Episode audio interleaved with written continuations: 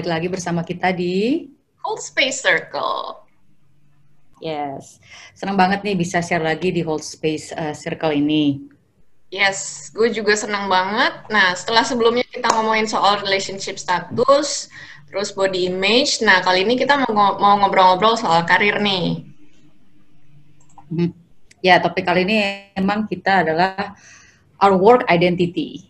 Yes, dan spesial banget karena kita kedatangan tamu. Welcome Ebin. Yeay. Welcome Ebin. Waduh, makasih banyak. Terima kasih banyak. Thank you. Senang banget justru gue senang banget yang ada di sini. Gue gue udah lihat ini soalnya YouTube channelnya walaupun baru episodenya baru beberapa, yeah. tapi gue yeah. lihat discussionnya tuh uh, real gitu ya dan honest. Jadi gue sangat senang sih uh, lihat uh, apa namanya uh, YouTube channel ini salut. Keren, keren. Nuhun pisan Ebin udah mau datang ke sini. Nah, gue sama Ebin ini satu angkatan ya dulu di akuntansi UNPAD alias Unpad. Pernah satu kantor juga dulu. Uh, actually dua kantor sih, karena satu nih jatuhnya hmm. volunteer ya. Karena kita jatuhnya... Tapi volunteer juga tetap kantor. Oh iya. Yes. Volunteer tetap kantor, ya. Walaupun nggak yeah. dibayar ya, walau yang ngarapnya dibayar akhirnya nggak dibayar. Nah, uh, Ebin ini salah satu yang menginspirasi gue bikin YouTube, uh, menginspirasi sekaligus memaksa sebenarnya. Kok memaksa sih? Ya, uh, dia udah punya channel YouTube duluan. Nah, uh, waktu gue bikin yang video perdana sama Dinda, dia tuh salah satu orang pertama yang gue share dan dia tuh share uh, feedbacknya sangat positif ya walaupun ada masukan juga dan itu membuat gue punya keberanian juga buat share ke lebih banyak orang lain. Thank you so much Ebi. Aduh sama-sama sama-sama. Walaupun gue sebenarnya ada adik kelas tapi it's okay. Jadi gue sekalian juga ya apa namanya gue share juga bahwa uh, apa namanya yang tadi Faye cepat cerita gue ada YouTube channel juga namanya kelas Sabtu hmm. uh, sama ada dua teman kita Rakia sama Iwan Hmm. Uh, intinya kita share mengenai uh, learning sih. Kita pengen ada kalau dari discussion kita, kita kalau orang lebih ke insight sama hmm. belajar new things atau new ideas gitu gitu. Nah, uh, untuk sesi ini kita ngobrol-ngobrol bareng aja ya, sharing soal work experience kita dan gimana akhirnya work identity kita terbangun. Alright. Yes, dan pas banget. Uh, Ebin ini emang seorang HR expert dan kita juga bisa dapetin perspektif dari seorang lelaki juga ya. Wow, wow, wow. Oke, okay, ini ya. kita different perspektif aja ya, maksudnya different angle gitu ya, bukan hanya cowok-cewek, tapi mungkin like different ya. people. Oke, okay, sebelum mulai diskusi nih, seperti biasa, bisa nggak kalian share dulu latar belakang pekerjaan masing-masing kalian? Ya, mulai dari gue ya. Nah, uh, gue sekarang kerja di bagian business development di sebuah social enterprise yang uh, memberikan pinjaman mikro ke ibu-ibu pengusaha mikro. Nah, uh, selain itu juga kita kasih pelatihan gratis juga buat ibu-ibu ini seperti pelatihan literasi keuangan. Nah, konsepnya social enterprise ini basically sebenarnya enterprise for profit juga. Cuman bedanya ini ujungnya tuh goalnya adalah untuk membantu pencapaian misi sosialnya. Nah, uh, di sini tuh gue ya baru belum setahun. Tapi sebelumnya gue kerja di yayasannya yang satu grup juga itu udah ya empat tahun lah. Jadi total gue di bidang sosial ini udah lima tahun. Hmm. oh ini ini juga ya Fe ya? Apa namanya? Menarik juga. Lu kan lulusan akuntansi gitu terus lu go into social gitu. Hmm. ini akuntansinya masih kepake atau mungkin dari dulu nggak pernah ingat atau gimana nih ceritanya?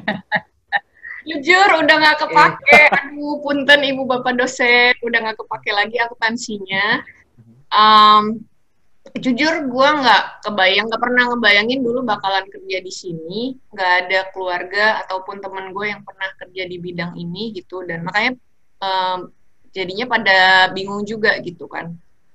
Nah uh, gue tuh sebelumnya pernah kerja di corporate selama lebih dari 10 tahun. Sampai nih ada satu malam gue kerja lembur gitu. Hmm. terus kayak gue mempertanyakan kenapa ya gue um, mau kerja seperti ini gitu kan kayak tujuannya apa sih gitu dan gue juga nggak bisa me, apa ya kayak memposisikan diri gue dalam berapa tahun lagi tuh berada di posisi bos gue gitu hmm. nah jadi gue dari situ mulailah kayak soul searching gitu gitu kan terus mulai volunteer volunteer dan akhirnya menemukan kosnya di pendidikan gitu gitu. Nah dari situ akhirnya memutuskan deh bekerja di ranah ini gitu. Itu awalnya ya. Menarik juga nah, ya ini ya shifting hmm. career ini ya. Ya lumayan panjang lah perjalanannya sampai sekarang. Nah kalau lu gimana nih Din? Lu kan juga career shifter juga kan? Iya, yeah. ya sama. Gue juga kutu loncat sih. Lebih ekstrim malah. Gue dulu, dulu eh, di seperti mining industry, terus gue ke venture capital, sampai media entertainment pun gue pernah juga. Jadi, well, kalau dilihat sih semuanya for profit banget ya. uh, terus gue juga ngerasa for the longest time gue uh, kayak nggak ada sense of purpose gitu sih kayak hmm. lebih mentingin financial gain sama sama pride gue lah just gue kayak working mindlessly like until I don't feel like I, I belong there gitu sekarang gue tapi eh, syukurnya uh, gue kerja di venture studio jadi venture studio itu kayak ngebantuin uh, new business sama startup untuk kickstart and grow their business dengan angle sustainable impact gitu jadi lebih align sama values gue sih oke okay, oke okay. nah bin Iya, iya. Mana menarik, nih? menarik ya ini ya. Nggak, maksudnya ada yang satu yang dari ini ke social, ya, terus dari gitu Dinda ya, juga kayaknya cross function, eh, cross industry banget ya. Ada sampai entertainment sendiri. Saya juga hmm. tertarik ya, ya mungkin. Iya. Kalau ini bisa. ya tertarik. In, untuk ke dunia entertainment ya. Iya. Yeah. Kan lu juga kan, gue apal banget nih anak-anak seangkatan yeah. kita nih yang dengan penuh kegalauan dan tidak jelas dengan karirnya. Kan lu career shifter juga. Iya, gue sempat juga sih. Sebenarnya gini, kalau gue uh, pernah ya, jadi ketika mulai setelah lulus, gue seperti anak-anak akuntansi lainnya, mm. gue ke kantor akuntan publik gitu ya, karena mungkin kayaknya perlu di sana, walaupun gue nggak lama. Gue paling cuma tiga bulan di sana, terus sudah gitu, abis itu gue uh, kerja di ada not for profit organization for a year ngerjain marketing. Uh, terus sudah gitu sempat di oil and gas, Hmm. Terus sudah gitu dari oil and gas, nah gue paling lama ini di uh, itu oil and gas juga gak lama mungkin sebulan kali gitu. Dan nah, paling lama itu gue di ada di perusahaan FMCG uh, eh, sekitar hampir 9 tahunan, sekitar 9 tahunan ya. Dan di situ gue di di finance mulainya, tapi akhirnya gue pindah ke HR karena gue merasa lebih seneng ke HR dan sekarang gue bikin bikin HR consulting sendiri. Gitu sih itu kurang lebih kalau gue uh, bergeraknya, pergerakan karir. Wah, gila. Pergerakan karir lu sama-sama ini juga ya, sama-sama loncat-loncat juga kayak kita-kita nih ya. Iya, lumayan lah. Hmm. Terus menurut kalian apa sih kita kayak bisa jadi career shifter gini? Nah, kalau gue baca nih uh, dari teori perkembangan psikososial dari Erik Erikson, Cila work identity atau occupational identity itu mulai kebentuk waktu kita usia remaja. Jadi sekitar 12 sampai 18 tahun. Nah, makanya idealnya memang pas lulus SMA tuh kita udah tahu nih mau masuk jurusan apa gitu.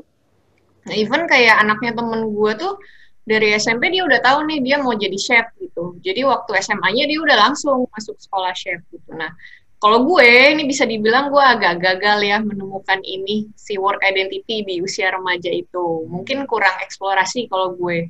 Plus banyak main juga ya, maaf. Hmm. Terus uh, dulu gue ngerasa kayak gue tuh belajar only for the sake of lulus ujian aja gitu, not for the love of learning itself. Hmm. Oh, sama sih, gue juga gue juga gitu sih, Faye. Karena sebenarnya metode belajar kita juga dulu kebanyakan hafalannya nggak sih? Yeah, kayak benar. bukan bukan experiential learning hmm. uh, approach gitu loh. Jadi uh, pas lulus gitu juga gue kayak lost soul banget.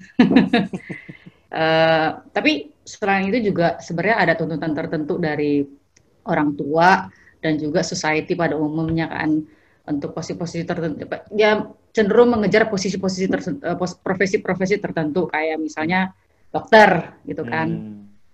Tapi menurut gue sih lumayan, lumayan make sense sih kenapa kayak gitu karena kalau dirurut kan dari zaman dulu orang emang kebanyakan butuhnya tenaga medis ya nggak sih? Hmm. Kayak zaman termasuk zaman bokap nyokap kita tuh mungkin zamannya Pak Soekarno ya Presiden hmm. Soekarno eh, banyak yang banyak dibutuhin waktu itu kan engineer gitu. Nah gue nggak tahu nih zaman zaman kita pas lahir tuh mungkin zaman zaman lagi ekonomi susah apa ya sekarang jadi banyak bankers I don't know tapi sebenarnya uh, career optionsnya juga limited menurut gua jadi nggak gampang hmm. juga sih kalau lo mau punya karir yang sesuai sama visi lo gitu. Hmm, yeah. Ya ngomongin visi, saya visi gue juga masih blur sih. Iya yeah, iya. Yeah. Okay. Ah terus, terus kalau menurut lo Bin sebagai HR nih ya, pandangan umum itu apa sih kalau kalau kita sebagai career shifter ini? Uh, sebenarnya career shifting itu itu uh, oke okay ya. Jadi kita sebenarnya bisa lihat dari dari dua dua sisi, right? Kalau hmm. misalnya hmm. ada yang naik langsung di dalam satu garis lurus ya, career ladder gitu. Mm. Uh, jadi lu akan lebih banyak punya expertise di satu area tersebut dan beneran beneran expert banget atau deep banget. Nah, mm. terus kayak gitu ada yang namanya career lattice ya, lebih uh, apa namanya lateral uh, ininya uh, ke pergerakannya ya. Pergerakannya apa namanya nih? Horizontal ya. Iya. Nah, gitu. Di mana lu bisa walaupun pergerakannya secara karir nggak naik, tapi lu gain uh, more experience gitu. Mm. Jadi uh, terutama di kayak sekarang ya, di mana uh, zamannya orang tuh perlu punya uh, a variety of uh, knowledge gitu. Jadi sekarang kayaknya kita nggak bisa lagi cuma ada di dalam satu box of knowledge aja gitu. Justru lu semakin banyak dan semakin punya punya pandangan atau punya punya apa namanya insight atau uh, apa ilmu dari disiplin lain akan semakin baik kalau menurut gua gitu ya. Lebih nah, holistik lah ya. Lebih holistik betul. Hmm. Jadi contoh misalnya kayak gua aja orang HR, uh, gua orang HR sekarang harus ngerti bisnis lu nggak bisa jadi orang HR yang cuma ngerti bagaimana how to do payroll, benar, benar, benar. apa segala macam. Tapi you need to understand, misalnya lu di mana di financial industry, lu harus ngerti financial industry kayak gimana sehingga lu bisa mensupport uh, apa namanya uh, uh, ininya apa namanya si bisnisnya. Sehingga makanya uh, geraknya nggak hanya uh, naik ke atas kalau misalnya itu lu kalau misalnya lagi pengen lo lihat juga ke kanan kiri gitu ya lihat seperti kayak gimana. Uh, karena uh, hmm. makin ke sana ya uh, future career itu memang banyak yang lebih akan unik-unik dan spesifik gitu karena si industrinya juga udah semakin aneh-aneh gitu HR aja contoh ya uh, gue tadi baru-baru baru-baru lihat gitu ada satu uh, artikel di uh, Harvard Business Review dia bilang ada beberapa nih 21 uh, HR role uh, new role salah satunya ada kayak WFH facilitator kan hmm. ada kepikiran, right? Sebenarnya yeah. nggak ada, nggak ada orang payroll atau apalah ya orang HR gitu, rekrutmen. Benar juga Tapi sih. WFH gitu. Facilitator nggak ada dan siapa sih yang bisa ngerti WFH facilitator? Orang HR mungkin bisa ngerti, lu mungkin perlu ngerti juga teknologi, lu punya hmm. perlu ngerti juga mengenai uh, apa namanya uh, apa namanya communication misalnya seperti kayak gitu. Data storage kayak segala macam ya. Data storage gitu-gitu. Jadi ya. lu nggak bisa juga dengan pemikiran yang oh hanya itu doang gitu karena lu yeah. juga bener kayak misalnya data storage karena lu pengen uh, apa namanya ada kayak um, centralized uh, mungkin ya. Betul gitu. Jadi what are the available teknologi yang bisa support kayak gitu misalnya kayak gitu. Karena hmm. ada salah satu part yang sering dibicarakan namanya uh, yang akhir-akhir ini tuh adalah VUCA world VUCA gitu. Di mana yang V-nya itu adalah volatile. Karena hmm. oh, the world is like nggak jelas itu naik turun gitu. Yeah. uncertain ya. Yang tadinya uh, very certain uh, hmm. apa namanya jadi jadi apa namanya uncertain. Jadi banyak yang oh ini belum tentu nih kejadian gitu. Jadi like kayak covid sekarang itu like uncertain yeah. gitu. Like kapan sih selesainya? Juga nggak ada yang tahu right? Kompleks ya. Yeah. C-nya itu kompleks. Dan karena makin banyak kompleks kita makin global. Terus udah gitu misalnya kayak lu bikin produk aja ya. Misalnya satu produk belum tentu nggak bisa one size fits all sekarang yeah. orang makin unik pengen yang ini pengen yang itu apa segala macam satu lagi ambiguous gitu jadi ambiguous itu like one instance itu bisa artinya beda buat lu atau orang lain. Jadi misalnya contoh kayak ya like COVID contohnya. Hmm. Um, some people, uh, some industry, uh, tourism itu akan, aduh this is like disaster. Tapi kalau misalnya untuk health industry, perhaps this is ya bukannya keuntungan ya, tapi maksudnya it's it's different meaning for everyone gitu ininya. So di dalam masa ke depan yang bakal uh, baik penuh gonjang ganjing ini, um, career itu juga akan fluid gitu. Jadi I think career shifter is salah satu uh, bukannya lu harusnya pindah-pindah mindlessly ya, cuman lu yeah. uh, apa namanya um, that's the art untuk bagaimana you manage the shiftingnya juga sih sehingga itu bener, bisa ngedevelop lu dan equip uh, diri lu terhadap karir menurut gue. Hmm. Hmm. Benar-benar, gue gue juga gue juga ngerasain sih dengan career shifting gue ini tuh gue kayak gue jadi nyadar bahwa gue tuh sebenarnya lebih generalis ketimbang hmm. spesialis gitu hmm. uh, karena gue udah banyak ke expose berbagai hmm. bidang industri gitu kan jadi gue hmm. gue punya helicopter view itulah of the broader hmm. things it helped me actually hmm. nice ya yeah, yang menarik banget bin penjelasannya uh, berarti sebenarnya kita nggak perlu terlalu khawatir juga ya bin ya kalau misalnya kita sekarang Betul. tahu ke depannya mau jadi apa hmm bisa jadi emang kita masih di posisi ini ya memang kita masih harus memang karena masih harus belajar skill yang mungkin nanti akan bisa kita pakai ya buat posisi kita selanjutnya. Uh, I think ya, bener banget sih. Menurut gua justru yang paling penting sekarang itu adalah uh, lu punya mindset of learning sama adapt sih. I think that is it. Karena uh, yang kayak tadi kan kita juga nggak tahu, uh, like next year uh, what will hmm. happen gitu kan nggak ada yang tahu. Tapi kalau punya mindset yeah. continuous learning, I think that is very important. Jadi lo oke, okay, keadaannya seperti kayak gini nih sekarang kita uh, apa namanya ini harus kita belajar ini, gue pengen belajar ini gitu. Jadi itu yang justru akan membuat kita jadi grow gitu. Jadi kita kayaknya udah nggak musim lagi tuh lo uh, jago uh, dan apa namanya udah nggak nggak belajar. So I think the most important thing is uh, that you keep on learning.